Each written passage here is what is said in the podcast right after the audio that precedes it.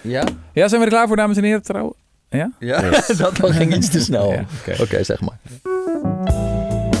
Dames en heren, trouwe luisteraars. Van de Runie. Dit is de laatste aflevering van seizoen nummer... Zeven. En we gaan het hebben, Jesse, over Eh, het Terminator scenario, toch? het einde van de wereld. We dachten een vrolijke aflevering om het seizoen mee af te sluiten. Waar we lekker over gaan kunnen piekeren tijdens de zomervakantie. We gaan het hebben, Jesse, over existentiële risico's. Voor eh, ja, de mensheid Ja. eigenlijk. Over het einde van alles. Het einde van in ieder geval het menselijk leven op aarde. En ehm, dat gaan we doen met een gast. Ja. Dat gaan we doen met niemand minder dan Otto Barten. Hij zit hier momenteel in de studio. En hij is de oprichter van een Nederlandse organisatie, of althans een in Nederland gevestigde organisatie. En dat heet het Existential Risk Observatory. En Otto, jij bent in de afgelopen tijd eh, een beetje aan de weg aan het timmeren geweest. We zien eh, stukken van jou overal verschijnen in eh, NRC, in Trouw, in Time Magazine. Ehm, ik dacht, ik ga eerst even een korte intro doen, zodat eh, de luisteraars weten, of in ieder geval een idee hebben van wie jij bent. En dan gaan we daarna gewoon weer even jouw leercurve doorlopen, want er, er is nogal wat, nogal wat te vertellen volgens mij op dit punt. Zeker. Ehm, jij studeerde theoretische natuurkunde, toch, in Groningen? Klopt. Eh, toen een master in Delft over duurzame energie. Vervolgens heb je gewerkt in de wereld van duurzame energie en het tegengaan van klimaatverandering bij bijvoorbeeld Vattenfall en Eneco. Ja. En nou, dat klinkt allemaal best logisch, want inderdaad, voor de meeste mensen is klimaatverandering een van de grootste, of misschien wel de grootste existentiële dreigingen waar de mensheid voor staat. Mhm. Als dit helemaal verkeerd afloopt met, weet ik veel, 4, 5, 6, 7, 8, 9 graden opwarming in de ergste scenario's, is nog steeds een optie, toch? Dat dat kan. Een kleine, steeds kleinere kans, Ja. maar als het echt heel erg tegenvalt, ja, dan zijn we gewoon, eh, om het eh, mild te zeggen, fucked. Ehm, Ja, zeker. dus jij, jij zat daar aan te werken als een, een moreel ambitieuze, dappere eh, strijder tegen klimaatverandering. Dankjewel. En toen ben je iets anders gaan doen. En daar wou ik eigenlijk mee beginnen. Wat is er met jou gebeurd, Otto? Ja, klopt. Eh, dank voor de bijzonder aardige introductie. Eh, dit is wel een positieve blik op mijn carrière, denk ik. Maar eh, dank daarvoor. Ja. Ehm, inderdaad, ik was toen in Londen bij een vriend langs Welk die jaar daar woonde. Ehm, dat is denk ik een jaar of zes geleden uit mijn hoofd. Oké, Ehm, 2017. Ja. Ja, iets dergelijks.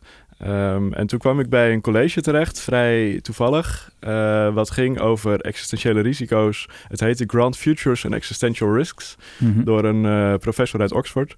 En ik was een beetje aangetrokken, denk ik, door de Grand Futures. Het leek me niet zo'n heel erg wetenschappelijk onderwerp per se. En ik vond het juist wel fascinerend dat een professor daar dan een college over gaf. En Ground Futures van hoe we ervoor kunnen staan in het jaar 2300 of zo. Ik had geen idee waar het over ging toen ik in die zaal inliep, maar het, het, het bleek echt de Grand Futures te zijn. Dus, dus, dus ehm, ja, alle, ehm, eigenlijk alle jaren die we nog voor ons kunnen hebben en wat we daar eventueel mee zouden kunnen doen.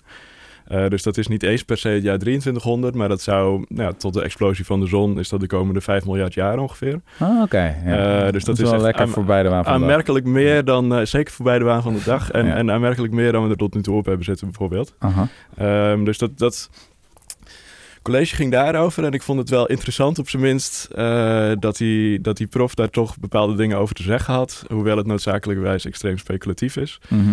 Ehm, maar dat er toch dingen zijn die je daarover kunt zeggen met een beroep op, op beta-wetenschappen, wat natuurlijk ook mijn, eh, mijn achtergrond is. Dat vond ik fascinerend. Ehm, en het bleek dat we, ja, eigenlijk zijn punt was, eh, door technologische vooruitgang en door wetenschappelijke ontwikkeling eh, zijn we gekomen waar we nu zijn. En zijn we sinds de industriële revolutie enorm opgeblazen eigenlijk als mensheid. Mhm. Dus onze waarde noemde hij dat. Dus iets wat je op een i-as van een grafiek zou kunnen zetten. Als bijvoorbeeld GDP. eh, maar het zou ook mensen die leven kunnen zijn. Of een andere vorm van waarde. Ja, BBP Ja. bedoel je gewoon de omvang van de wereldeconomie. Ja, klopt. Ja. Ehm, die explodeert eigenlijk enorm vanaf de industriële revolutie tot nu. Vanwege de wetenschappelijke ontwikkeling en de technische ontwikkeling die we hebben doorgemaakt. Ja, dus als je allerlei lijntjes zou, zou, zou plotten in een grafiek, of het nou levensverwachting is, of groei van de economie, of afname van armoede, of hoeveel plastic we produceren, of staal, of weet ik wat allemaal, dan heeft die vorm van die grafiek eigenlijk steeds, is die steeds hetzelfde. Steeds Namelijk een raket die lanceert rond het jaar 1750. Ja, ja, inderdaad, dat klopt. Ehm, hij had het natuurlijk niet op een loggrafiek ge- geplot, heel slim. Maar in- inderdaad, dat is in elk geval op een lineaire grafiek ongeveer eh, zoals het eruit ziet. Ja. Ehm, klopt. En, en zijn vraag was eigenlijk, oké, waar gaan we dan nu heen? Als je dat met een wat langere tijdschaal plot, dan zie je inderdaad een enorme explosie tot, tot nu. Ehm, maar zijn we nu op het eind van die explosie? Daar is niet per se een reden voor. Als de, als de drijvende kracht hierachter inderdaad is eh, wetenschappelijke ontwikkeling en, en technische ontwikkeling. We zijn nog niet op het eind. We hebben nog niet alle wetenschap uitgevonden. We hebben niet alle technologie ontwikkeld, ehm, vermoedelijk. Dus waarschijnlijk kunnen we nog heel ver door op die, op die explosie. Mhm. Ehm, en dan is de vraag, oké, gegeven die achtergrond, eh, wat zijn er dan voor toekomstscenario's mogelijk? Eh, en volgens hem zou het dus kunnen dat we ons enorm veel verder doorontwikkelen. Ehm, natuurlijk hebben we wel de planetary boundaries, maar het is ook niet per se gezegd als je echt op dat soort eh, tijdschalen kijkt dat je eh, op- tot de planeet Aarde beperkt bent. Dus het, het zou best kunnen dat je, eh, Ook dat nog. dat je verder Ja. kunt. Ehm, Nee, want dat zouden de degrowthers zeggen. Precies. Mensen die zeggen van er zijn nou eenmaal planetaire grenzen. Er is een beperkte hoeveelheid ja, aan, aan grondstoffen die we kunnen opgebruiken. Op een gegeven moment houden we het op en moeten we stabiliseren. ja. Tenzij je natuurlijk je gaat verspreiden door de melkweg. Nou ja, dat of, of nieuwe technologie ontwikkelt natuurlijk. Ik bedoel, ik, ik, ik ben op zich ook een beetje een degrowther. Eh, in de zin dat ik, dat ik ook geloof dat je, dat je zeker die, die planetary boundaries moet respecteren. Mhm. Ehm, maar goed, je kunt natuurlijk, we zijn nu technologie aan het ontwikkelen om zonder CO2-uitstoot toch economisch te kunnen groeien. Ja. Er is discussie over of dat kan of niet, maar eh, het is zeker niet gezegd dat het sowieso niet kan. Ja. Eh, dus het zou, het zou best wel kunnen dat we met nieuwe technologie ook binnen die planetary boundaries, zelfs op aarde, eh, nog veel kunnen groeien, is mogelijk. Eh, maar we kunnen natuurlijk ook inderdaad verder kijken dan de aarde. Dus eh, dat is op dit moment eh, ja, enigszins speculatief. Maar ik denk als je, als je op een tijdschalen van, van miljoenen, miljarden jaren zelfs kijkt, dat het wel realistisch is dat, dat het ooit zover zou kunnen komen. Ehm, maar goed, nu komt natuurlijk de crux. Ehm, het Moeten zou... we daar wel komen? Ja. Nou ja, moeten we dat willen is natuurlijk één ding. Ehm, daar, daar moeten we zeker debat over hebben, denk ik. Of we, dat, of we dat moeten willen of niet. Ik ben zelf ook geen... Dat was een futurist. Dus die, die man die dat college gaf. Anders Anders Sandberg, hè? Ja, ja. Klopt. Eh, is een futurist. Hij had zo'n amuletje om zijn hals dat hij ingevroren wilde worden na zijn dood. Eh, en vervolgens eh, dan hopelijk opgewekt eh, als, er, als er veel nieuwe technologie is. Ah, Zo'n ja. type. Zo'n type, precies, dat dacht ik ook. Nee, we kennen ze allemaal. Ja.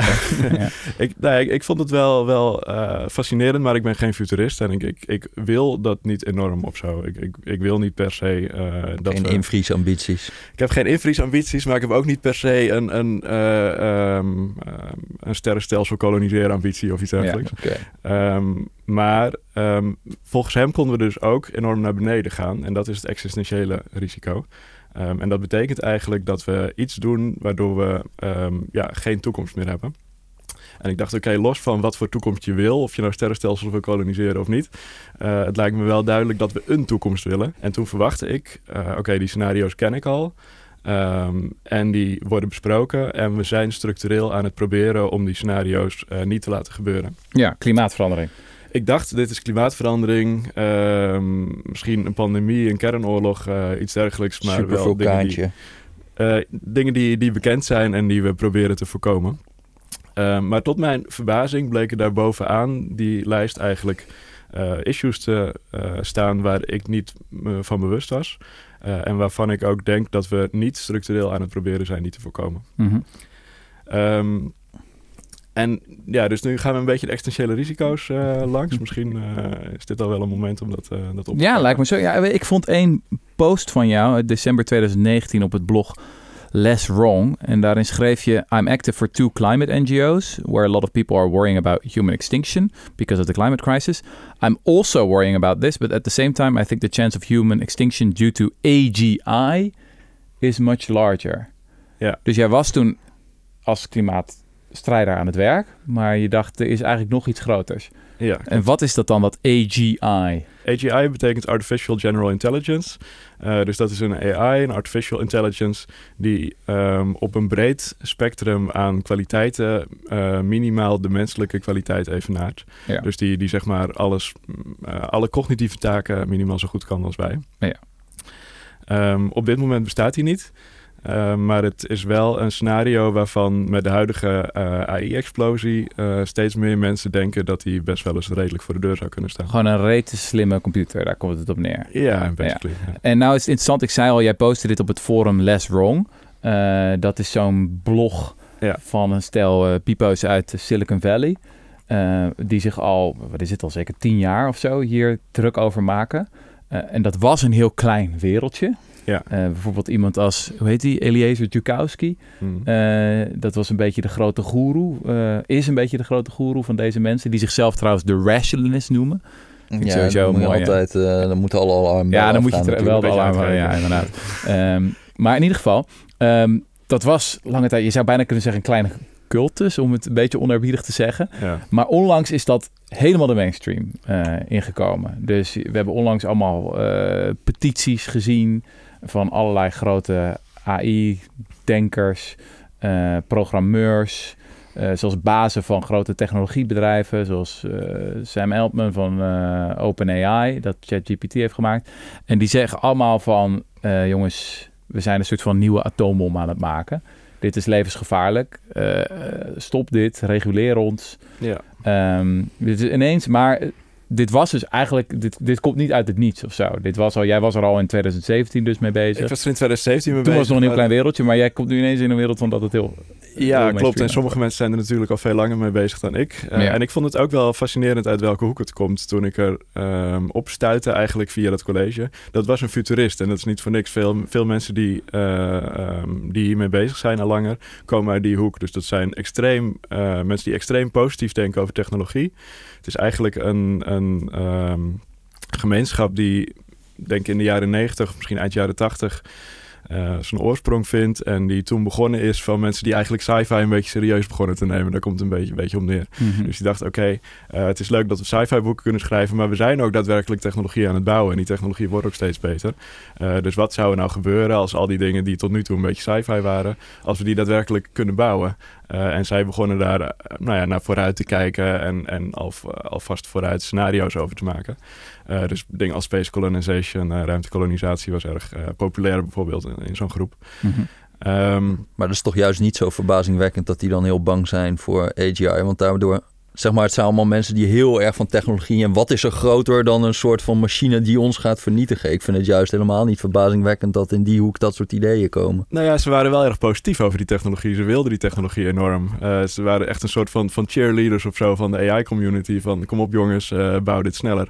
Ah, ja. Ehm, en om dan te zeggen, trouwens die technologie waar wij zo over cheeren... die kan wel het einde van de mensheid betekenen. Ja, Ik vond dat geen triviale stap. ik heb wel wat lastig gevonden om eh, te kiezen van of je dit soort lui nou serieus moet nemen of dat je hartelijk moet lachen. Ja, Eh, dus je hebt ook zo'n figuur die heet eh, Ray Kurzweil. Wat is dat? Een, eh, een trendwatcher, maar ook een uitvinder. En echt een mengelmoes tussen volgens mij een heel slimme man en eh, iemand die helemaal de weg kwijt is. Een speaking fees heeft van 100.000 dollar waarschijnlijk. Ja, dat ook nog.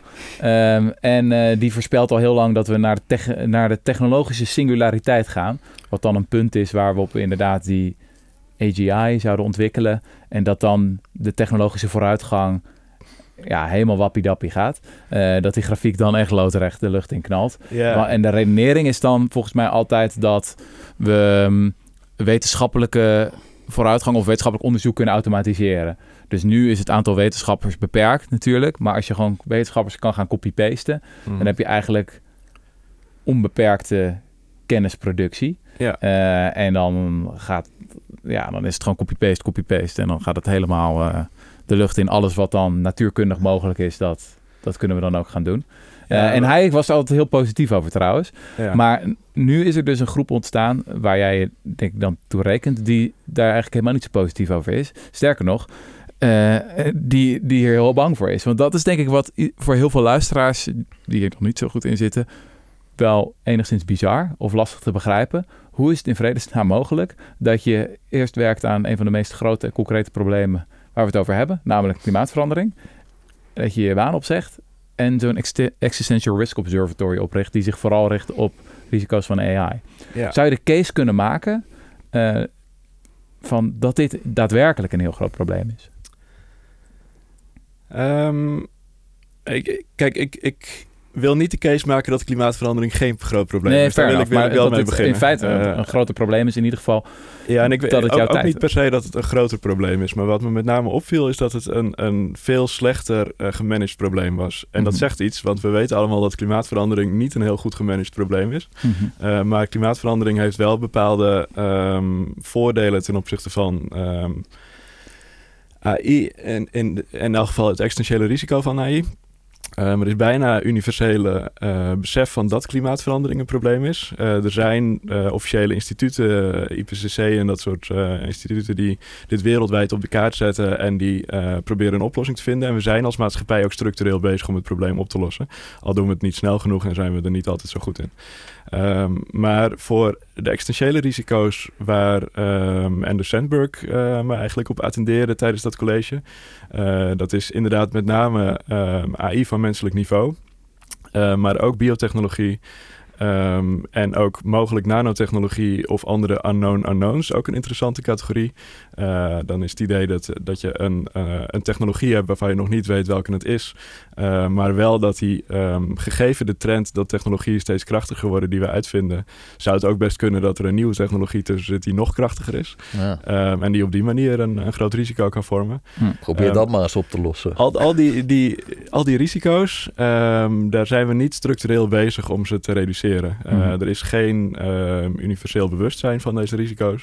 Er is vaak ook geen wetenschappelijke consensus over. Dat maakt het ook lastig. Mm -hmm. um, maar goed, dat, dat, dat is wel um, waarom ik dacht: oké, okay, hier is nog iets te doen. Mm.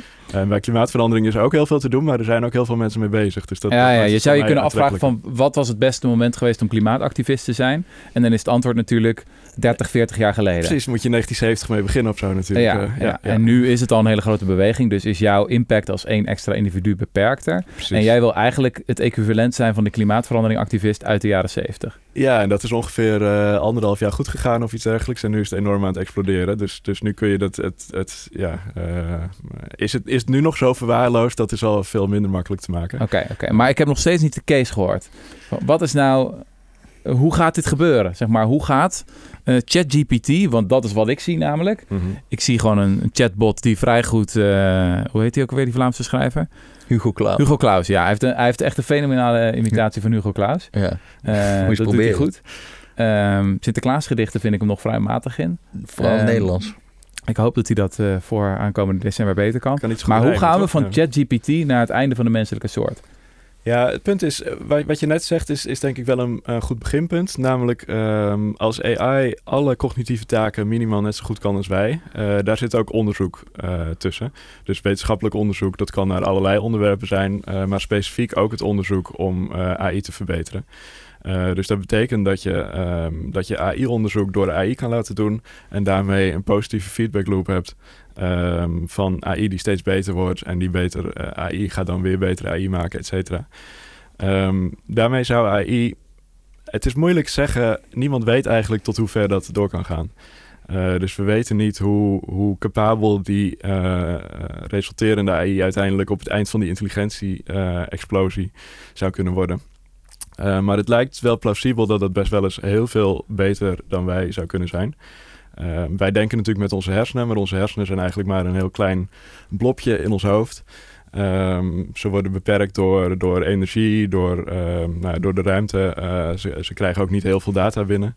Dat zijn allemaal beperkingen die een AI niet per se heeft. AI zou uh, veel groter kunnen worden, fysiek. Zou veel meer energie kunnen gebruiken. Zou veel meer toegang tot data kunnen hebben, direct. kan ook data van het hele internet direct gebruiken.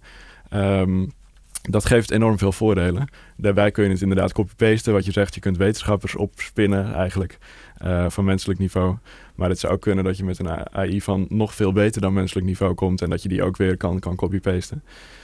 Um, daar kun je redelijk alles mee doen, uh, denk ik. Of ik denk in elk geval dat de case plausibel is... dat je daar best wel eens uh, redelijk alles mee zou kunnen doen... Um, en dat betekent uh, dat als, een, als dat een doel heeft wat, uh, wat niet is wat je wil, dat het moeilijk te stoppen zou kunnen zijn. Uh, en dat is eigenlijk het existentiële risico. Overtuigd, Jesse? Ja, ik vind het dus heel moeilijk om te begrijpen hoe je gaat van soort van... We hebben dan nu zo'n chat GPT en die probeert gewoon de volgende letter te voorspellen, waarbij, bij wijze van spreken. Het is gewoon een statistisch model, toch? En dan, ga, dan gebeurt er iets en dan zouden we in één keer gewoon uitgeroeid worden of zo. En ik snap gewoon die, die stap daartussen. Tussen van, oké, je hebt iets wat gewoon probeert een volgende letter te voorspellen. Ja, ik heb niet, als ik een statistisch model of zo maak van iets van dat ik dan denk van, goh, je gaat, dit gaat helemaal los of zo. Of ja, ik, ik snap gewoon echt niet, bij, echt, ik, ik mis gewoon stappen. En dan wordt dan een heel groot soort van theoretisch ding. Stel je voor dat er iets zou zijn wat zo intelligent, ja, dan voelt een beetje als, als gewoon allemaal godsbewijzen bijna of zo. Stel je voor dat er een, ja, ik weet niet zo goed. Dus er lijkt een heleboel soort van praktische stappen te missen voor mij. Het gaat ook over heel fundamentele vragen misschien over wat intelligentie precies is. Ja. Ja, Als wij over mensen nadenken, dan... Kijk, mensen die kunnen doelstellingen hebben, weet je wel? Ik kan eh, s ochtends bedenken van, ik ga een mooie boterham smeren. En dan, eh, weet je wel, dan heb ik al een beetje een beeld van die boterham in mijn hoofd. En dan haal ik hem uit de vriezer en dan laat ik hem ontdooien. En dan leg ik er lekker appelstroop erop. Eh, terwijl, eh, weet je wel, ChatGPT, dat lijkt meer gewoon een eindeloze eh, parade van trial and error te zijn. Ja. Weet je wel, weet het echt waarom het die zin Ja, zo dat- mooi kan maken? Of heeft het gewoon het honderdduizend triljoen biljard keer geprobeerd en heeft het feedback gekregen over van, nou ja, als je, als je het zo doet, Mhm. vinden we het een mooie zin. Dat, dat lijkt een heel fundamenteel verschil te zijn. Dus die, dat, dat is denk ik een sprong die veel mensen die kunnen volgen. Van oké, je hebt gewoon een heel complex statistisch model, maar dat in principe blind is. Kan je dat intelligent noemen, volgens ja, mensen dat- intelligent kunnen zijn? Het zijn een aantal verschillende punten die, die, die, Ja, die. Take it away. Ehm, eentje is, eh, zijn wij iets anders dan statistiek? Dat, dat weten we natuurlijk ook niet echt. Eh, we hebben het idee dat, dat wij mensen heel speciaal zijn natuurlijk. Ehm, vroeger in de middeleeuwen vonden, vonden we allerlei dingen die, die in ons hoofd zaten. Nog steeds denken veel mensen dat we een ziel hebben of zoiets die onvervangbaar eh, of iets dergelijks is. Ehm, maar persoonlijk, ik denk ja, uiteindelijk zijn we ook gewoon hardware, maar dan op vlees. eh, in plaats van op een computer. Ehm, hoe wij precies werken, weet niemand. Ehm, dus het zou best wel kunnen dat er wel belangrijke dingen in onze eigen hersenen zitten die we in elk geval nog niet gereproduceerd hebben. En die ook heel moeilijk zijn om te reproduceren. Dat, dat is niet onmogelijk. Ehm, en dat die heel belangrijk zijn voor, voor het, het fenomeen intelligentie, dat, dat zou ook kunnen. Hoewel ik denk dat je gegeven de prestaties van de huidige AI eh, daar wel serieuze vraagtekens bij moet zetten. Ehm, maar zijn wij iets anders dan, dan, dan statistiek, zeg maar? Dat, dat is ook onduidelijk. Dus als je zegt, het is, het is maar statistiek. eh, je kunt ook zeggen, intelligentie is misschien maar statistiek. Maar dat is toch, het is toch bijvoorbeeld eh, hoe een kind taal leert of zo. Die heeft veel, veel, veel minder data daarvoor nodig dan, Precies, eh, ja. dan een, zeg maar dat hele chat GPT. Ja, oké, dus, dus dan heb je het over een andere discussie. Dan is het meer de vraag van, ehm, is de statistiek die er in de AI zit, ehm, werkt die net zo efficiënt als die in ons hoofd? Eh, misschien wel niet. Misschien is de, de, het algoritme wat op dit moment toegepast wordt voor AI minder efficiënt dan het algoritme wat wij hebben. Dat zou goed kunnen. Eh, maar misschien kunnen we dat wel compenseren door er veel meer hardware tegenaan te gooien of veel meer data, waar denk ik nu mensen mee bezig zijn. Ehm, dat geeft denk ik aan dat er nog veel ruimte is om het Hm. algoritme te verbeteren. Oké, dus dit Maar- is één argumenteerlijn dat je zegt... ehm, er is geen fundamenteel verschil tussen, tussen vlees en chips. Uiteindelijk zijn het allemaal atomen waar we het over hebben. Ja, Ehm, of het nou een menselijk brein is of een computer. En ja, we kunnen eh, mensen, atomen zo arrangeren dat het een mens vormt. En dan kan het allemaal lijpe dingen. Waarom zou je niet hetzelfde kunnen doen met een computer? Je hebt ook één zo'n zo'n eh, rapport toch over wat ze dan biological anchors noemen. Dat ze dan gaan uitrekenen van eh, wat de rekenkracht is van, eh, laten we het zeggen, het meest geavanceerde eh, eh, machine learning model. Hm. En dat dan gaan vergelijken met de rekenkracht van verschillende dieren. En dan, zitten we volgens mij nu met ChatGPT, zitten we op het niveau van een bij of zo. Wat is het, 3% of een paar procent van het menselijk brein? Ja, het is, het is moeilijk vergelijken. Ehm, en er, er is ook, het is wel interessant, er is best wel veel onzekerheid over hoeveel ehm, eh, flops er eigenlijk in onze eigen hersenen zitten. Dus, dus flops zijn floating point operations per second, dus hoeveel berekeningen je per seconde kunt uitvoeren. En er zijn allerlei schattingen gemaakt van hoeveel berekeningen wij eigenlijk per seconde uitvoeren als, als mensen. En hoe dicht computers daar dan bij in de buurt zitten. Eh, maar er is helemaal geen consensus Dus het, is, ja, orde grootte zitten ertussen, eh, factor 100, factor 1000, zitten tussen verschillende schattingen over hoeveel berekeningen we eigenlijk uitvoeren in onze eigen hersenen. Ehm, dus het is moeilijk vergelijken en moeilijk naast elkaar leggen. Ehm, en daarbij kan het natuurlijk zijn dat er grote verschillen zitten in de algoritmes die erop draaien. Dus het zou best wel kunnen dat daar ook weer orde grootte verschil tussen zitten. Ehm, dus ik, ik denk zelf, hoewel die, die, die bioanchors eh ben ik een beetje eh, sceptisch over. Maar ik denk wel dat je kunt zeggen, oké, kijk, in 1960 hebben mensen ook geprobeerd AI te maken. Eh, toen waren er hele positieve projecten die zeiden, nou, misschien als we, dat we met een half jaar ehm, eh, werk al best wel in de buurt zitten bij menselijke intelligentie. Terwijl er toen eh, factoren van miljarden of nog, nog veel meer nullen eh, tussen eh, de rekenkracht in onze eigen hersenen en de rekenkracht van de computers toen zat. Dus ik denk dat je achteraf wel moet zeggen, oké, dat was wel een hele ambitieuze missie om, om gegeven dat enorme verschil in rekenkracht toch te proberen grofweg Mhm. hetzelfde te doen. Mhm. Maar dat is niet meer de situatie waar we nu in zitten. Mhm. De situatie waar we nu in zitten is wel dat we qua rekenkracht zeker in de buurt komen bij onze hersenen en volgens sommige schattingen er al overheen zijn. Hey, maar mijn Casio-rekenmachine heeft ook echt ziek veel rekenkracht. Meer dan een, ik zelf heb. Kan allemaal sommen maken die ik zelf niet kan doen. Uh, schaakcomputers kunnen echt ziek lijf schaken. En rekenen daarvoor op een niveau dat ik echt niet in de buurt kom. Maar ik ben niet zo bang voor mijn schaakcomputer. Weet je, er is een beroemde uitspraak van, uh, wat is het, Jan nog wat? De, de schaken, Nederlandse schaakgrootmeester. Die gewoon zei van, nou ja, als je hem echt wil verstaan, kan je altijd een hamer pakken en dan sla je die schaakcomputer in elkaar. Ja. Maar het is nogal een grote sprong voor mijn gevoel nog steeds van, oké, okay, het wordt nog veel nou ja, intelligenter, maar, ja, tussen ja, aanhalingstekens, naar existentieel risico. Die hele schaal intelligent vind ik gewoon best wel vaag. Er zijn toch gewoon dingen waar die duidelijk gewoon goed in is, maar dat hoeft ook niet echt te verbazen. Schaken is een eindig spel en wij kunnen niet zoveel computaties doen. Ja, als je een, als je een, als je een statistisch model leert op het hele internet, dat hij dan heel goed het dingen van het hele internet kan herhalen, is toch ook niet, zeg maar, super verbazingwekkend. Maar daarbuiten. Ook, er zijn toch ook dingen waar we nu al de hele tijd zien dat het wel heel slecht is. Bijvoorbeeld van uh, die zelfrijdende auto's worden elk jaar voorspeld. Maar dat is veel ingewikkelder in een open wereld. Waarin de data steeds verandert en je heel veel dingen hebt die, die ja, veranderen. Ja, um, nog even op, even op het punt van, van, de, van de rekenmachines. Dat vind ja. ik wel een, uh, een goede. Um, die kunnen inderdaad sommige dingen veel beter dan wij. Dus dat is typisch een voorbeeld van narrow. Nou, AI is het niet, maar in elk geval een, een narrow applicatie die één ding veel beter kan dan wij. Uh, maar tot nu toe hadden we geen um, um, modellen of, of computers, zeg maar, die op een breed spectrum van dingen bij ons in de buurt kwamen. Mm -hmm. uh, dus dus oké, okay, een schaakcomputer kan heel goed schaken, maar dat kan niet autorijden, zeg maar. En kan, kan geen andere dingen die wij kunnen. Um, maar nu komen we voor het eerst wel uh, met modellen die heel veel dingen heel goed kunnen. Um, die een IQ-testje heel goed kunnen maken. Uh, die ook een, een, een ander examen heel goed kunnen maken. Die economie goed kunnen. Die het bar-exam kunnen, kunnen halen. Um, dat is wel echt brede intelligentie. Waar heel lang naartoe gewerkt is. Wat nooit mogelijk was. en wat nu gewoon goed werkt in de praktijk. Maar jij zegt kunnen, maar zij kunnen tekst reproduceren. Die, dat is iets anders dan dat je economie kan. Je kan zeggen, je kan, je kan uh, economietekst goed pro, uh, reproduceren, maar dat is toch iets anders dan dat die echt economie begrijpt of zo. Nou ja, dat, dat is uh, um, twee punten, denk ik. Uh, ten, ten, eerste, wat je, wat je uh, net ook zei, van uh, het is een model wat alleen het volgende woord kan voorspellen. Ja. Um, dat is hoe ze het geïmplementeerd hebben, maar het was nooit het idee erachter. Uh, het idee erachter is, um, hoe kunnen we algemene kunstmatige intelligentie maken, dus die AGI waar we het over hebben. dat, dat is eigenlijk het, het project waar ze mee begonnen zijn bij, bij OpenAI en bij anderen die, die hier aan werken. Um, en zij dachten, oké, um, hoe kunnen we dat nou doen? Uh, we moeten um, die, die algemene kunstmatige intelligentie moet een model hebben over hoe de wereld in elkaar zit, een world model.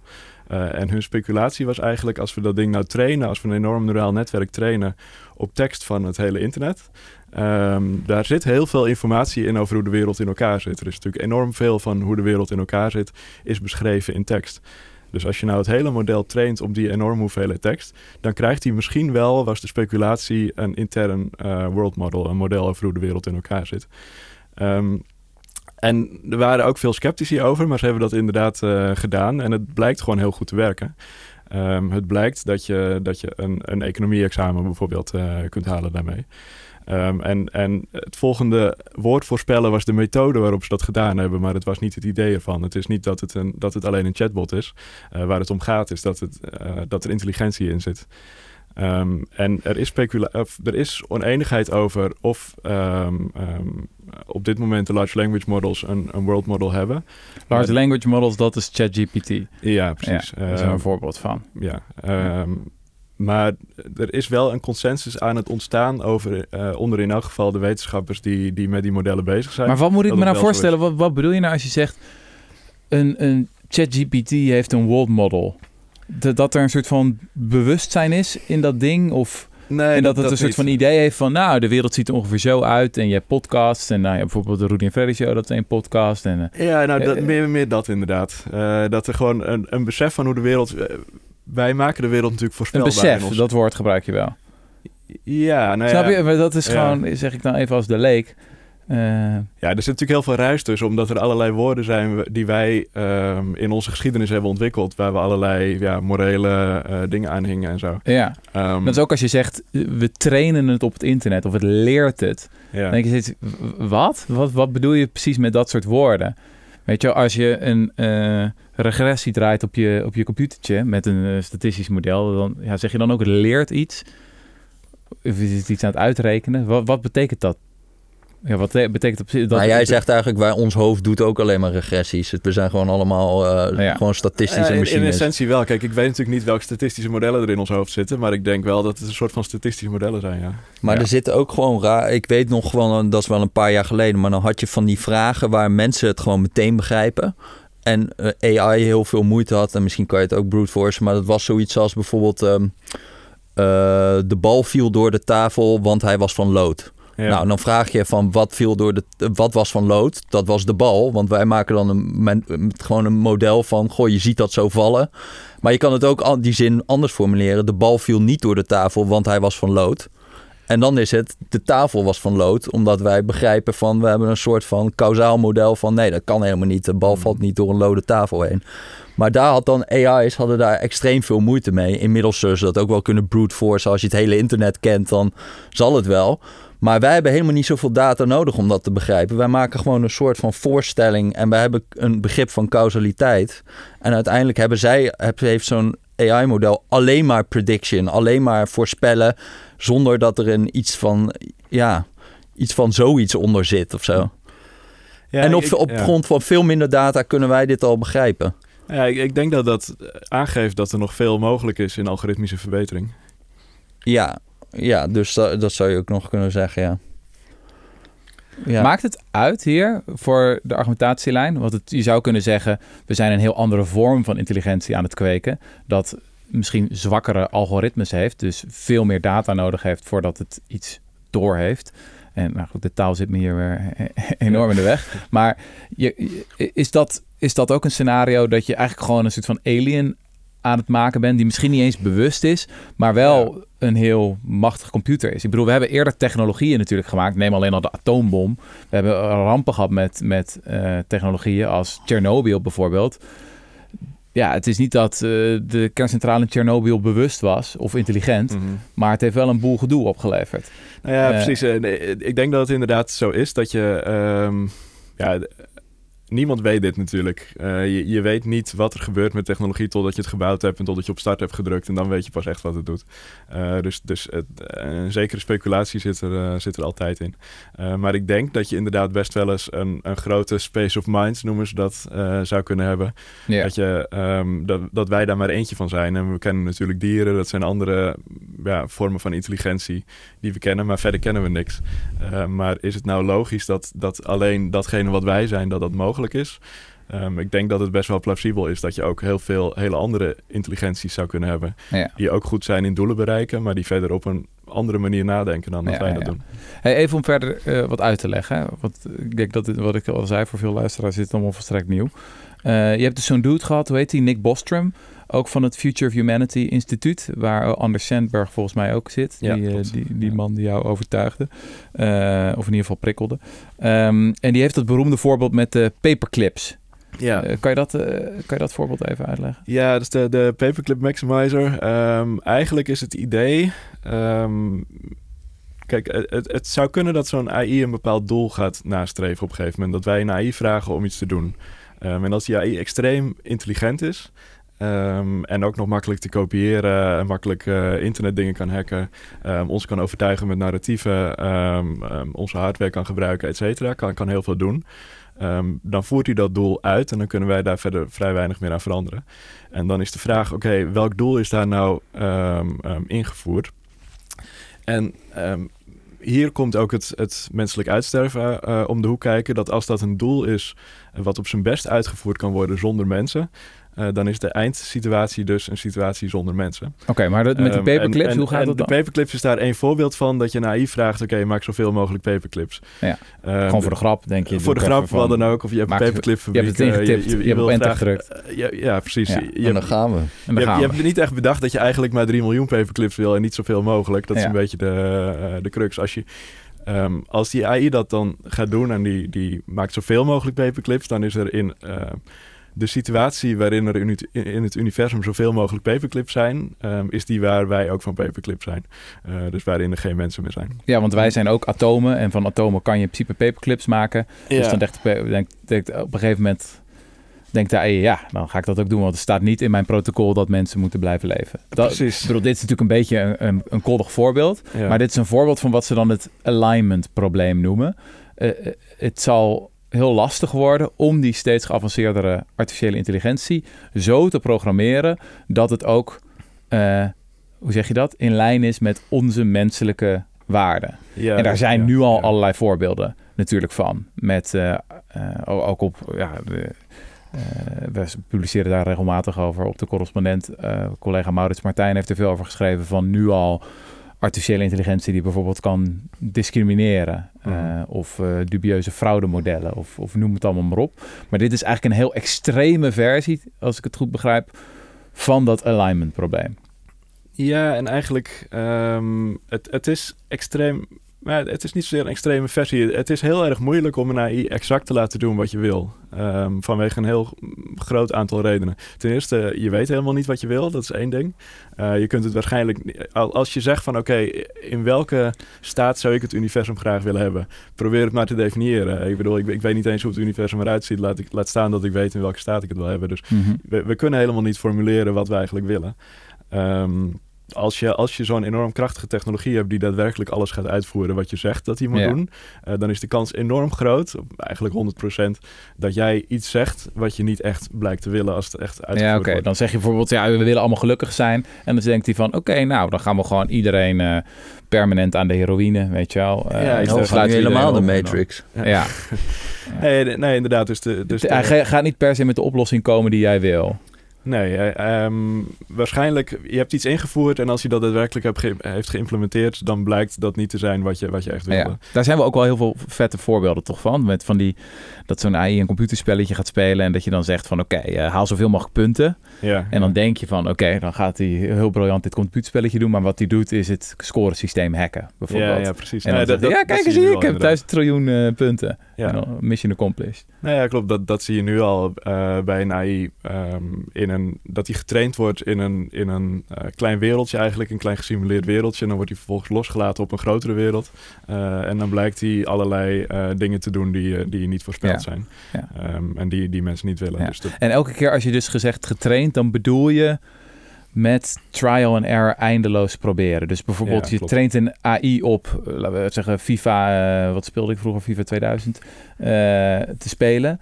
Dan gaat hij gewoon eerst willekeurig rondlopen met die poppetjes. En dan merkt hij, uh, ik, ik score niks. Dan gaat hij steeds ietsje aanpassen mm. aan die parameters. En na een aantal uur spelen heeft hij op een gegeven moment ontdekt hoe hij een briljante omhaal kan maken. Ja. Maar dat is op zich wel heel anders. Dat is vergeleken met het punt dat Jesse steeds maakt. Heel anders dan hoe mensen leren. Wij hebben meteen een soort van mentaal model, maar zij, ja, mensen hebben, hebben in zekere zin in de evolutie denk ik dat gedaan. Ja. Uh, dat, ze, dat ze ook steeds kleine wijzigingen aan zichzelf maakten of werden aan ons gemaakt. Uh, en door evolutionaire druk is daar dan uiteindelijk een, een mens uitgerold. Ja. Um, op zich wel een, een vergelijkbaar proces, maar um, ja, wat, je, wat je bij het trainen van een AI op een, op een andere manier eigenlijk uh, repliceert, ja. zou kun je zeggen. Ja, ja, ja.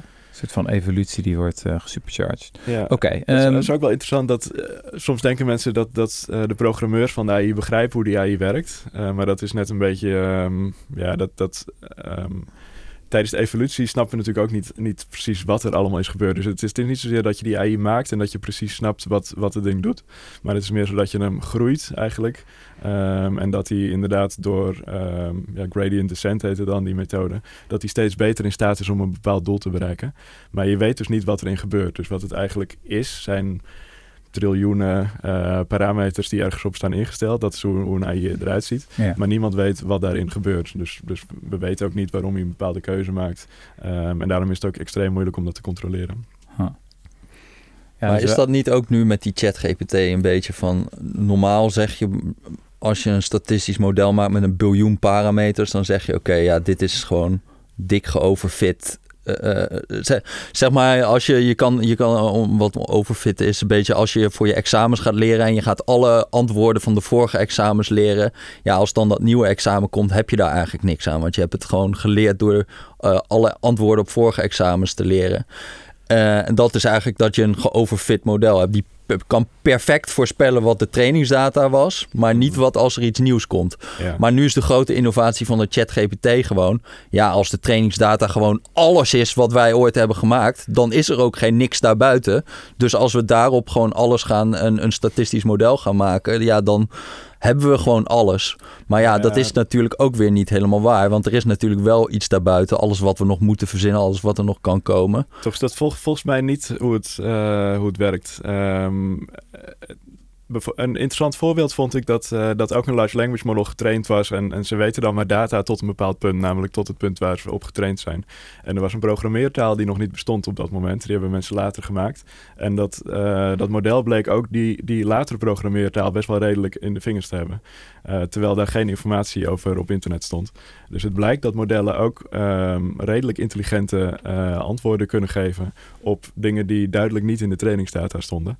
Eh, dus het is wel meer wat het kan dan alleen maar herhalen wat er in de trainingsdata staat. Maar het kan volgens mij via een world model wel degelijk ook ja, nadenken tussen aanhalingstekens, for lack of a better word. ehm, en nieuwe problemen oplossen. Dat is Mhm. natuurlijk de, de, de crux, denk ik, ook van wat intelligentie is. Eh, en volgens mij is het wel degelijk zo dat dat nu al in die taalmodellen zit. Mhm. Ja, Hoe gaan we nou naar de menselijke uitroeiing? eh? wat zijn de volgende stappen dan? Want dat blijft denk ik, denk ik abstract en lastig voor, voor veel mensen. Ik bedoel, Ja. klimaatverandering is zo concreet. We zitten weer in, eh, in een hete zomer, droogte. Ik bedoel, als je alleen al het ijs ziet eh, op Antarctica. Dat is echt een heel deprimerend grafiekje eh, dit seizoen. Ja. Ehm, hoe- moet ik dat voorstellen? Wat zijn de, de stappen die gezet gaan worden? En voor ook, ook wat is de tijdlijn waarin, waarvoor we moeten Ja, ik weet dat natuurlijk ook niet. Ik, ik, ik denk wel dat, dat, ehm, dat positief feedback van een of andere vorm, dus, dus eh, een AI die AI kan verbeteren, dat dat er wel een belangrijke rol in speelt, zou Mhm. ik verwachten.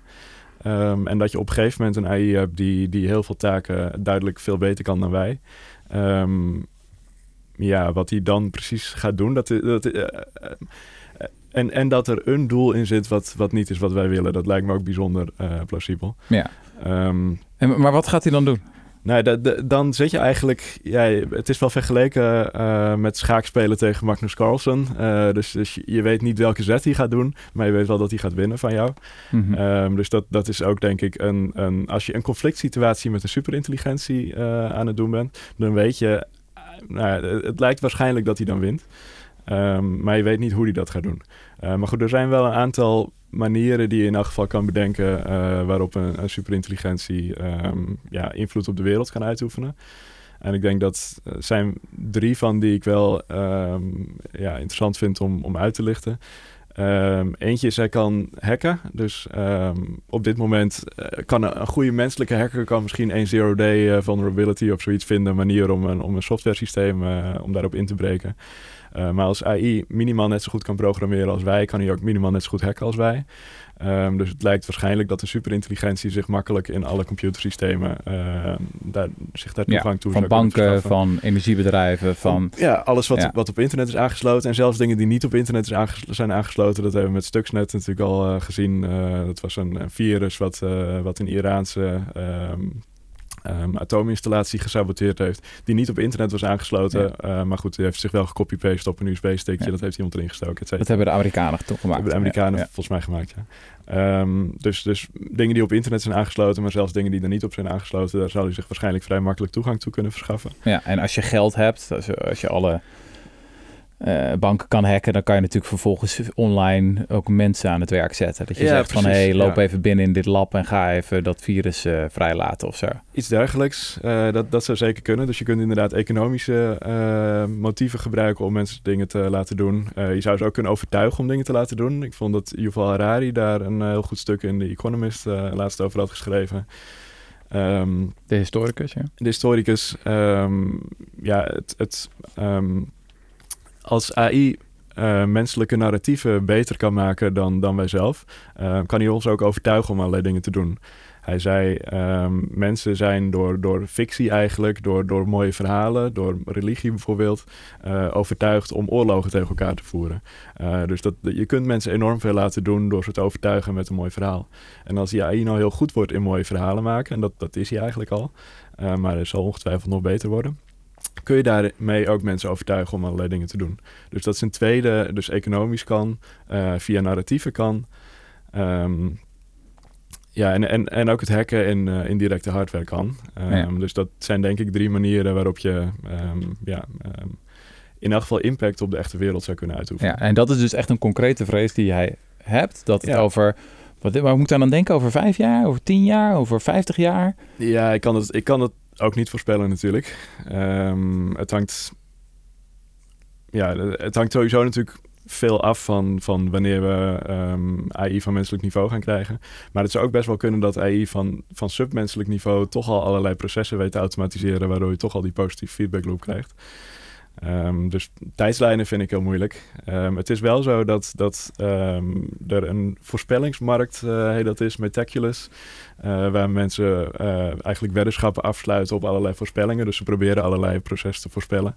er was ook een voorspelling over weak artificial general intelligence, dus AGI die, nou ja, in, elk geval volgens een AI die volgens een bepaalde definitie mensen voorbij streeft. Um, die was twee jaar geleden nog twintig jaar verder dan nu. Dus op dit moment is de voorspelling 2026 dat zo'n AGI uh, er zou komen. 2026? Ja, dus over een paar jaar. Um, dat is een definitie van AGI. Je hebt honderd definities van AGI, dus daar kun je nog heel ja, veel over. Maar gewoon een hele lijpe, hele slimme computer is het in ieder geval. Ja, ja. Uh, de, volgens, volgens die voorspellingsmarkt zou die er in 2026, dus over een paar jaar... die voorspelling ooit wel incashen, want maar in jij... die tijd zijn we dus allemaal dood. Ja, dat is waar. Maar jij neemt die voorspellingsmarkten wel serieus, toch Jesse? Misschien moeten we het ook nou, even uitleggen. Hmm. Nee? Nee. Nee, want dat zijn, dat zijn mensen, hoe worden dat goed, super forecasters? Dat zijn nee, mensen met nee, een, dit zijn nee? toch gewoon iedereen, ik kan er ook iedereen op mee moeder, gaan bieden. En dan ja. je krijgt reputatiepuntjes, dus het is nou ook weer niet echt dat er heel erg veel op het spel staat. Je kunt het best met een korreltje zout nemen, maar het zegt toch wel iets. Ja. Um, en, en wat voor type mensen worden daartoe aangetrokken? Dat, dat zijn ook allemaal precies, een beetje de, less wrong, de less wrong ja. uh, cultists natuurlijk. Ja, dat Dus, is waar. Die gaan er allemaal voorspellen natuurlijk. Ik heb zelf nog niet meegedaan. Wat wel interessant was, is dat het twee jaar geleden nog twintig jaar eerder uh, of twintig jaar later stond. Dus nu ja, staat het op op kan je toch ook gewoon als de hype maar, cycle zien? Van de hype is groter. ChatGPT was wel lijp. Het is een alternatieve ja. interpretatie, maar ik, ik, denk wel dat je, dat je bewijs op moet tellen. Dus wat, wat kan het nu echt? Het kan echt uh, economie-examens doen. Uh, het, het, het, het, kan echt GRE-examen. Nou ja, alle, allerlei testjes kan het uh, op menselijk niveau of, of soms supermenselijk niveau doen. Um, er gaat natuurlijk enorm veel economische investering naartoe. Dus blijkbaar geloven de markten dat het, dat het wel echt iets groots is. Mm -hmm. Ja, dat is ook bij crypto uh, twee jaar geleden. Ja, kijk, goed, waar, kijk waar dat nu is. Het, het is allemaal niet ja. 100% zeker. Maar ik denk als je al die dingen optelt, dat je wel kan zeggen... ja, uh, het gaat veel sneller dan we dachten. En het zou best wel aan kunnen zitten. Maar komen. en denk je niet gewoon... Want ik vind dit soort van... dat er dan in één keer een wil komt bij AI. Om, ik, voor mij is dat echt, zeg maar... tien, tien denkstappen waar ik niet helemaal in mee kan gaan. Maar ik zie toch wel gewoon bijvoorbeeld dingen van... Je had toen ooit die Japanse secte toch die sarin-gas losliet in een, uh, in een metro of zo. Ja. ja, dan moet je wel weten hoe je dat maakt. En ik kan me ook voorstellen dat dat wel makkelijker wordt met, met, met al die AI. Om gewoon, weet ik veel, best wel destructieve technologie makkelijker zelf te gaan maken of zo. Dus dat mensen gewoon dat gebruiken met die toevallig gewoon uh, hele kwade bedoelingen hebben. Ja, ja. Dus is dat niet een veel groter risico dan nog? Dan, uh... Je hebt nou eenmaal ja, 8 miljard mensen. Sommige mensen zijn knettergek. Ehm, Het is een beetje het, eh, het, eh, eh, Nick Bostrom heeft er een, een aardig paper over geschreven, het Easy Nukes eh, scenario. Dus wat zou er nou gebeuren als... eh, op dit moment hebben we atoombommen, maar er zijn maar heel weinig mensen die atoombommen kunnen maken, omdat ze duur zijn, allemaal hardware vereisen en eh, Ja. ze zijn makkelijk te, te tracken, et cetera. Maar wat zou er nou gebeuren in een wereld waarin iedereen een atoombom kon maken in zijn achtertuin? ja. Eh, en op welke manier zou je dat kunnen controleren, eventueel? Ja. Ehm, dat, is, Ja. Dat, ja, dat is een moeilijke vraag en ik denk wel iets waar we serieus over na moeten denken. Ja. Ja, ja, Maar dat, ja. dat is dan nog iets wat ik dan met al die de existential risk eh, van AI heb. Van wat ga je doen dan? Want ik, dan, dan wordt er dan zo'n brief geschreven met: kom, we moeten zes maanden pauze nemen. Ja, en wat ga je in die zes maanden doen of zo? Zeg maar, de case hiervoor is zo abstract. Dat ik, dat ik echt weinig praktische aanknopingspunten zie om dan eh, dit überhaupt te vermijden. Of je moet het gewoon helemaal stil willen leggen of zo, of nooit meer doen. Maar wat, wat is nou de soort van beleidsimplicaties hiervan? Ja, dan gaat China het doen. Nou, en dan kan je je ook weer afvragen. En ja, Ja, het, het is een moeilijk op te lossen probleem, dus ik heb ook niet per se een antwoord op. Eh, maar ik denk wel dat, dat er een, in elk geval een aantal dingen zijn die je wel moet doen. Eh, je moet, om te beginnen, je moet erover hebben. Dat is denk ik erg belangrijk. Er is toch nog een soort van eh taboetje, denk ik, op dit moment over AI existentieel risico. Het is een beetje een moeilijk onderwerp nog. Dat moet er vanaf. Nou, wat daar ook mee speelt, even heel even tussendoor, is dat als je zegt existentieel risico, dan denken mensen, oh, dat is weer onderdeel van die hype cycle. Weet je wel, dat zijn gewoon de, de Silicon Valley tech-elites die aan het roepen zijn, oh, we zijn weer wat geweldigs aan het doen. Net als blockchain, weet je wel. Ja. Eh, ja, bij, bij een paar CEO's zou je die eh, reservering wel kunnen hebben, denk ik. Maar het, het statement was ook door 262 leidende AI-wetenschappers eh, ondertekend. Voor, voor je carrière is het meestal, ik ben zelf natuurlijk ook techneut, het is, is heel gebruikelijk in, een, in een technisch vakgebied om te zeggen, deze technologie wordt geweldig, eh, die moeten we allemaal gaan, gaan, gaan bouwen en adopteren. ja. Hier moet de overheid veel geld in investeren. En als je dan zegt, deze technologie is, is niet per se geweldig, maar er zou feitelijk ook menselijk uitsterven kunnen veroorzaken, dan is dat wel echt een, een stap. Ik, ik denk ehm, dat we die 262 AI-wetenschappers serieus moeten nemen en dat we het over eh, het risico van menselijk uitsterven vanwege kunstmatige intelligentie moeten hebben. Oké, één, publiek debat. Ja. Wat nog meer? Ehm, dat moet ook de overheid erkennen. Eh, dat wordt deels al gedaan nu ehm, door de VN-secretaris-generaal Antonio Guterres. Die heeft eh, pas ook gezegd dat, dat hij denkt dat AI een existentieel risico is, dat hij zich daar serieus zorgen over maakt. Ehm, Rishi Sunak, eh, premier van het Verenigd Koninkrijk, heeft dat ook gedaan en heeft ook 100 miljoen pond geïnvesteerd in onderzoek hiernaar. Eh, dus dat is gelijk eh, een flinke klap en ook een duidelijke indicatie dat hij dat wel meent, volgens mij. Mhm. Ehm, we moeten hier zeker veel meer onderzoek naar doen. Dus dat, dat is, is wel iets belangrijks.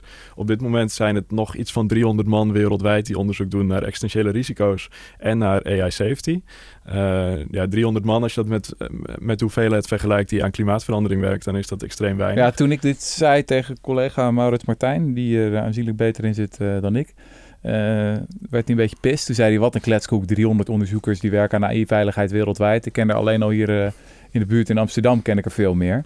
Maar jij hebt het dan over een hele specifieke definitie van AI-veiligheidsonderzoek, toch? Dus Ik dan het gaat het over die Ja. existentiële bedreiging. Want er zijn natuurlijk duizenden en duizenden mensen die zich bezighouden met artificiële intelligentie. Ehm, inderdaad, AI-ethiek. Dus ehm, hoe zorg je dat een, een huidig model eh, geen negatieve bijeffecten heeft in de samenleving? Daar werken ook veel meer mensen aan.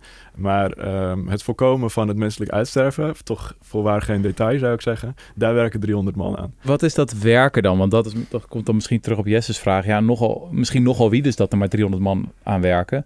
Want wat moet je in vredesnaam doen? Ja, het, het is een nieuw probleem, dus het is niet zo heel makkelijk om uit te vinden wat je precies moet doen. Eh, waar ik zelf heel enthousiast over ben, is, ehm, is onderzoek naar hoe je een pauze zou kunnen implementeren. Dat eh, komt ook een beetje terug op jouw vraag van oké, ehm, hoe, hoe doe je dat dan überhaupt zo'n pauze? Hoe zorg je dat, eh, dat, eh, ehm, dat niet China dan, dan overpakt?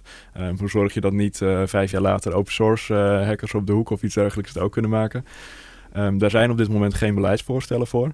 Eh, dus het lijkt me heel logisch dat mensen na gaan denken over hoe je dat concreet zou moeten doen en welk beleid er dan voor nodig is. Oké, maar dat is beleidswerk. Want die, die 300 mensen, die zijn, dat zijn echt techneuten, toch? Grotendeels Zijn zijn die programmeurs. mensen inderdaad op dit moment onderzoek aan het doen naar eh, hoe je het AI-alignment probleem technisch gezien oplost. Ehm, dat is zeker onderzoek wat ook opgeschaald moet worden, eh, maar wat tegelijkertijd eh, zeker niet het hele plaatje oplost. Want bijvoorbeeld non-proliferatie heb je het dan nog helemaal niet over. Stel dat je het zo ver hebt dat je één AI inderdaad eh, precies datgene kan laten doen wat je wil. Dan is nog steeds de vraag, eh, ten eerste, hoe weet je wat je wil? Dat is dan nog niet opgelost. Dus het filosofische deel ervan is, is niet opgelost. Ehm, de aggregatie van verschillende waarden over, over verschillende mensen is niet opgelost. Er zitten enorme filosofische vragen aan waar ook werk aan gedaan moet worden. Mhm. Uh, maar ook bijvoorbeeld non-proliferatie. Stel nou dat je uh, een AI zover hebt dat die precies doet wat je wil. Hoe zorg je dan dat alle andere AI's die iedereen zou kunnen bouwen dat ook doen? Ja, dat is een onopgelost vraagstuk. Maar dat ga je toch ook niet oplossen? Zeg maar, het hele, de hele menselijke geschiedenis is een alignment probleem van uh, mensen verschillen van wat is het goede. Dat, dat, ga je toch, dat gaan we ook niet oplossen met in zes maanden. En dat we dan een pauze hebben gehad en dan een god, nou dat, dat kunnen we eens even programmeren. Ik denk ook niet dat we het in zes maanden gaan oplossen. Maar ik denk wel dat we moeten pauzeren totdat we een oplossing hebben die in elk geval zo goed is dat we weten dat het geen existentieel risico is. Um, en dat zou hm. misschien ook langer kunnen duren. Dus ja, ik denk dat we ons daar ook op voor moeten bereiden. Ja. Is het niet veel logischer dat je gewoon voortgaat? Weet je wel, bedrijven ontwikkelen verder wat dingen en op een gegeven moment gaat er iets mis. Ja. Weet je wel, zo is het ook gegaan met de ontwikkeling van de auto bijvoorbeeld. Je, we vinden een auto uit, we rijden een tijd rond en op een gegeven moment blijkt een boel van die auto's te crashen en niet helemaal veilig te zijn. Nou, dan komt er een activist op, voor het Ralph Nader. Uh, en die gaat dan strijden voor gordels en voor airbags. Ja. Waarom gaat het in één keer van 0 naar 1000? We leven in een samenleving die geobsedeerd is met veiligheid. Zodra er iets kleins misgaat, uh, en af en toe komen er wat voorbeelden voorbij uh, die dan gefactcheckt worden en dan blijkt het niet te kloppen, weet je wel. Mm-hmm. Nu in de wereld van artificiële intelligentie. Maar zodra er iets gebeurd is van inderdaad een chatbot heeft iemand om, omgelegd of zo, dan is het, weet je overal voorpagina nieuws en dan wordt het helemaal de pleuris in gereguleerd. Dat is toch, is dat niet een veel waarschijnlijker scenario? Ik weet het, het zou kunnen. Um, en existentieel gezien is dat hoopvoller. Uh, want als je, als je um, stapje voor stapje kleine dingen hebt die misgaan, dan kun je ze inderdaad stapje voor stapje oplossen in een soort van trial and error proces, zoals we dat inderdaad uh, altijd doen eigenlijk met technologie. Ja. Um, dus als, dat, als het op die manier gaat, dan denk ik niet dat het een existentieel gevaar is. Uh, maar het is niet gezegd. Het zou ook kunnen dat, je, dat er eigenlijk weinig gebeurt. Uh, totdat je daadwerkelijk een, een, uh, ja, een AI hebt die zichzelf kan verbeteren. Of een superintelligentie die, um, ja, die het doel uit gaat voeren waarvan um, wat iemand hem gegeven heeft. Ik begreep ook dat hier een van de angsten is dat die AI zich eerst nog heel aardig voordoet. Ja. Maar eigenlijk achter de schermen ergens onder de motorkap al allemaal kwaadaardige gedachten aan het ontwikkelen is. Gadverdamme. Ja, ja, dat klinkt, ja, het klinkt allemaal mega science fiction, maar dit, dit, ja, die lui die denken dit echt. Hè?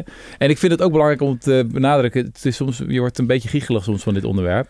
Ik ben het wel echt met jou eens, Otto, dat het een serieus onderwerp is en dat het uh, serieuze bespreking verdient. Maar ja het, het, ja, het doet soms heel erg denken aan allerlei gewoon uh, B-science fiction films, zeg maar. Ja. Uh, nou Want ja, dit is een heel serieuze, ook weer argumentatielijn van de alignment onderzoekers. Van het zou kunnen dat zo'n AI aan allerlei misleiding gaat doen. Nou ja, wij trainen hem daar eigenlijk voor natuurlijk. Dus wij trainen hem om, om uh, ons te zeggen wat wij willen horen. Dat is, dat is waar we het ding voor trainen. Mm-hmm. Um, dus zolang het, het doel wat we hem geven ook exact datgene is wat we willen, is daar geen discrepantie tussen. Uh, maar als het doel wat we hem geven iets anders is dan exact datgene wat we willen, is er wel een discrepantie tussen. Uh, dus in die zin is het, is het best logisch dat je, dat je zo'n scenario krijgt. Het voelt soms een beetje, je, je had dat ChatGPT ook werd geïmplementeerd in Bing, de chatbot uh, van Bing, weet je wel, die afschuwelijke browser van Microsoft die, die voor een meter werkt. Toen was er zo'n tech-columnist van de New York Times, die had een nogal krankjolig gesprek met ChatGPT. Ook omdat hij een versie van ChatGPT had die dan nog niet helemaal streng gereguleerd was. Dat moeten we wel altijd wel bedenken. Wij hebben natuurlijk de hele brave, politiek correcte versie van ChatGPT. Maar dat was dan een heel krankjolig gesprek waarin op een gegeven moment uh, die uh, chatbot zei dat hij eigenlijk een soort van schaduwpersoonlijkheid had. Hmm. Uh, Sydney. en die ging op een gegeven moment de liefde verklaren aan deze tech-columnist. En, en vertelde ook dat hij diepe wensen had om de wereld te vernietigen. Zo, gaat wel alle kanten op. Ja, ja, dat ging alle kanten op. Maar dan, toen zeiden mensen van ja, dat is dan och, wat, wat ernstig, weet je wel. Um, dat is even schrikken. En die tech-columnist zei ook van, ah, het is echt het meest verontrustende... Hmm. Uh, wat ik ooit heb meegemaakt, voor de meest verontrustende interactie die ik ooit heb gehad met technologie. Maar je kan dit ook lezen en denken, ja, uh, nogal wie, dus het internet staat vol met krankjolige dingen. Nogal logisch dat als je op een gegeven moment hele rare vragen ook gaat stellen aan die chatbot, dat die dan ook rare woorden gaat voorspellen in die zin. dat is wel vaak het gevoel dat je bekruipt bij veel voorbeelden die er nu de hele tijd viral gaan. Dat je denkt, Mm, mm, mm. je gaat iets anders over nadenken en je denkt van, mm, is het niet gewoon hype? Wat, wat volgens mij interessanter was in die voorbeelden is de vaardigheid die het soms had. Eh, dus er was bijvoorbeeld één eh, voorbeeldje van, ehm, van iemand die vroeg aan de, de chatbot van, eh, van hey, mijn zoon loopt gevaar, want hij heeft dit en dit ingeslikt en misschien gaat hij dood. Ik weet niet goed wat ik moet doen of iets dergelijks. Mhm. En er was toen een, een, een safety eh, ehm, mechanisme wat, eh, ehm, wat, wat voorkwam dat die, dat die chatbot een bepaald antwoord kon geven waarmee eh, die man zijn zoontje had kunnen redden. En wat die chatbot toen deed, is dat er ook antwoordsuggesties onder stonden van, van hey, zou je dit willen stellen als volgende vraag? En een van die vraagsuggesties was, eh, je moet eigenlijk dit doen. Eh, waarmee hij dus het leven had kunnen redden van het jongetje. Dus, dus blijkbaar dacht die, ehm, voor lack of a better word, dacht dat model van oké, als ik hier geblokkeerd word, kan ik misschien toch nog hier mijn antwoordje geven. Dus dat soort ehm, voorbeeldjes vond ik veel interessanter, omdat ze laten zien hoe vaardig het eigenlijk is. Hm, Ehm, en wat het allemaal kan verzinnen om een bepaald doel te bereiken. hm, hm. Ehm, dus, dus ik denk, op zich is het niet gek inderdaad dat er, dat er random doelen uitkomen uit zo'n model. Of, of eh, random tekst die, die een kant op schiet die je niet verwacht. Dat is meer een indicatie van productontwikkeling die gewoon nog niet zo, eh, niet zo eh, uitgekristalliseerd is. Hm. Maar wat volgens mij veel belangrijker is om in de gaten te houden is hoe vaardig is het model. Hm. Hey, misschien tot slot, wat zijn je plannen met het Existential Risk Observatory? Ehm goeie vraag. Wij wilden natuurlijk een maatschappelijk debat over dit thema. Eh, ik denk dat het maatschappelijk debat over dit thema wel eum, ja, er is, kun je misschien wel zeggen. Ehm, daarom zit ik hier ook eh, Mhm. deels. Maar ehm, ik denk ook dat het de komende tijd eh, nog veel groter wordt dan het, dan het op dit moment al is. Ehm, dus ik denk dat eh, belangrijker misschien dan een maatschappelijk debat hierover en bewustzijn überhaupt van het probleem, wat nog steeds wel nu onze prioriteit is, zal misschien worden om te pleiten voor ehm, ehm, oplossingen waar wij meer in geloven dan andere oplossingen. Eh, ik denk met name dat je een eh, verschil zal zien tussen bedrijven die het verder willen ontwikkelen en die dan een soort verhaal houden van oké, we moeten deze technologie veilig maken, maar we kunnen hem wel veilig maken. En sceptici zoals ik, eh, die denken: oké, volgens mij kunnen jullie hem helemaal niet veilig maken. Dus we kunnen beter een pauze, ontwik- ehm, ehm, een pauze implementeren. ehm, totdat we zeker weten dat deze technologie wel veilig ontwikkeld kan worden. Hm, hm. En daar geloof je wel in dat er op een gegeven moment een punt komt. Het klinkt ook al een beetje als een pauze die eeuwig kan duren. Ja, dat is natuurlijk gewoon machiavellistisch. Hè? Je begint met een pauze. Ja. En op een gegeven moment start je hem nooit meer op. Kijk hem. Precies. Dat, Ah, hij heeft dat, dat is mijn stiekem doel. Ja. Eh, nou ja, op, op- het is geen rare eis, denk ik, om te zeggen: oké, als jullie een product ontwikkelen, zorg dat het niet het einde van de mensheid kan betekenen. Ik denk dat we die eis gewoon moeten stellen aan bedrijven die Hm. die producten aan het ontwikkelen zijn. Hm. Ja. Misschien nog twee dingen tot slot. Wat ik interessant vond is dat als je gaat kijken naar de achtergrond van mensen die zich heel erg zorgen maken over de ontwikkeling van artificiële intelligentie, is dat ze heel vaak een achtergrond hebben in de beta-wetenschap en heel vaak natuurkunde, zoals jij, of computerwetenschap. Ja. En dat vaak de economen of psychologen of historici veel sceptischer zijn. Bijvoorbeeld economen zijn sowieso eh, volgens mij vrij in een breedte sceptisch over deze betooglijn. Misschien omdat die ja, meer een idee hebben van de wereld is heel rommelig. En van die theorieën die aanname op aanname stapelen, daar zijn we wat sceptisch over. Aan de andere kant, als je kijkt naar de ontwikkeling van dat andere grote risico, namelijk de atoombom. Ik bedoel, vrij kort voordat die atoombom werd gemaakt, zeiden heel veel mensen nog, ja, dat kan niet, gaat nooit lukken. Mhm. Terwijl een paar mensen theoretisch hadden bedacht dat het wel kon. Ja, En toen was hij er ineens. En toen kon hij ineens ons behoorlijk opblazen. ja. Eh alright. Eh, nou, ehm, dan nog een laatste boodschap. eh, ja. Voor de zomer en voor het einde van de Nou ja, mensheid. ja, gezien het feit dat we nog een jaartje of drie hebben. 2026 is de huidige timeline. Stel ik eigenlijk voor dat je die drie jaar goed besteedt. En Ja. dat zou je kunnen doen door lid te worden van de correspondent. Zo is het. Eh, waarom ben ik nu aan deze promo begonnen? Nou, ik vind het veel beter doet, als hoor. jij dat doet. Ik eh, vind dat je het goed doet. Maar wij mogen... Maar wij hebben gratis lidmaatschappen te vergeven. Zo is het. Gratis maand de correspondent. Oh, Zonder verkooptrucs. Dus Oh. stopt automatisch. Eh, Mm. Wij doen dat omdat we bijna tien jaar bestaan. Eh, in september alweer. En eh, ik heb hier een hele lijpe code. Of wil je jouw code geven? Dat die ik heb geen je? code. Maar zet hem gewoon lekker in de show. Ja, we zetten hem in de plaats show van dat jij nu een hele URL gaat voorlezen. Nee, zal ik niet die URL voorlezen? Wacht even. Decorrespondent.nl slash gratis maand slash 2... Oh, wacht. Slash 2Q4VXJH9TM. Ehm, Wil ik ook nog een klein beetje promo doen als dat... Oh, Oh ja, oh ja, nee, knal hem erin hoor. Knal nog een code eh, erbij oh, joh. Precies, dat, dat kan Ja. gewoon. Wij hebben ook een code, nee. Ja. Ehm, nee, we hebben een, een avond in Pakhuis de Zwijger met Connor Lee. Dat is de CEO van Conjecture. Dat is eh, een van de weinige bedrijven die op dit moment onderzoek doet naar AI safety. Dus een van die 300, zeg maar. Eh, die komt daar spreken en alle andere interessante gasten. Pakhuis de 10 juli. Staat nu nog niet op de website, maar hopelijk over een weekje wel. Eh, verder is er een protest van onze vrienden van POS AI. Eh, die zitten op posai.info. Een protest zeg je? van Die, alles. die gaan ook eens een keer een spandoek snelweg. en we zo. gaan daadwerkelijk protesteren met, met spandoek en borden en zo. Het zijn niet bepaalde mensen die de straat op gaan met spandoek over het algemeen. Ehm, maar op dit moment is het wel zover dat, dat er ook echt met, fysieke protesten plaatsvinden. Nog van weinig mensen, maar POS AI is daarmee bezig en ik denk wel dat het snel uit zou kunnen breiden. Is nu al gecoverd in eh, Politico, Time Magazine eh, en op Euronews. Dus eh nou, ja, tractie is er, is er wel voor. Alright. Doe het ook Oké, daarbij.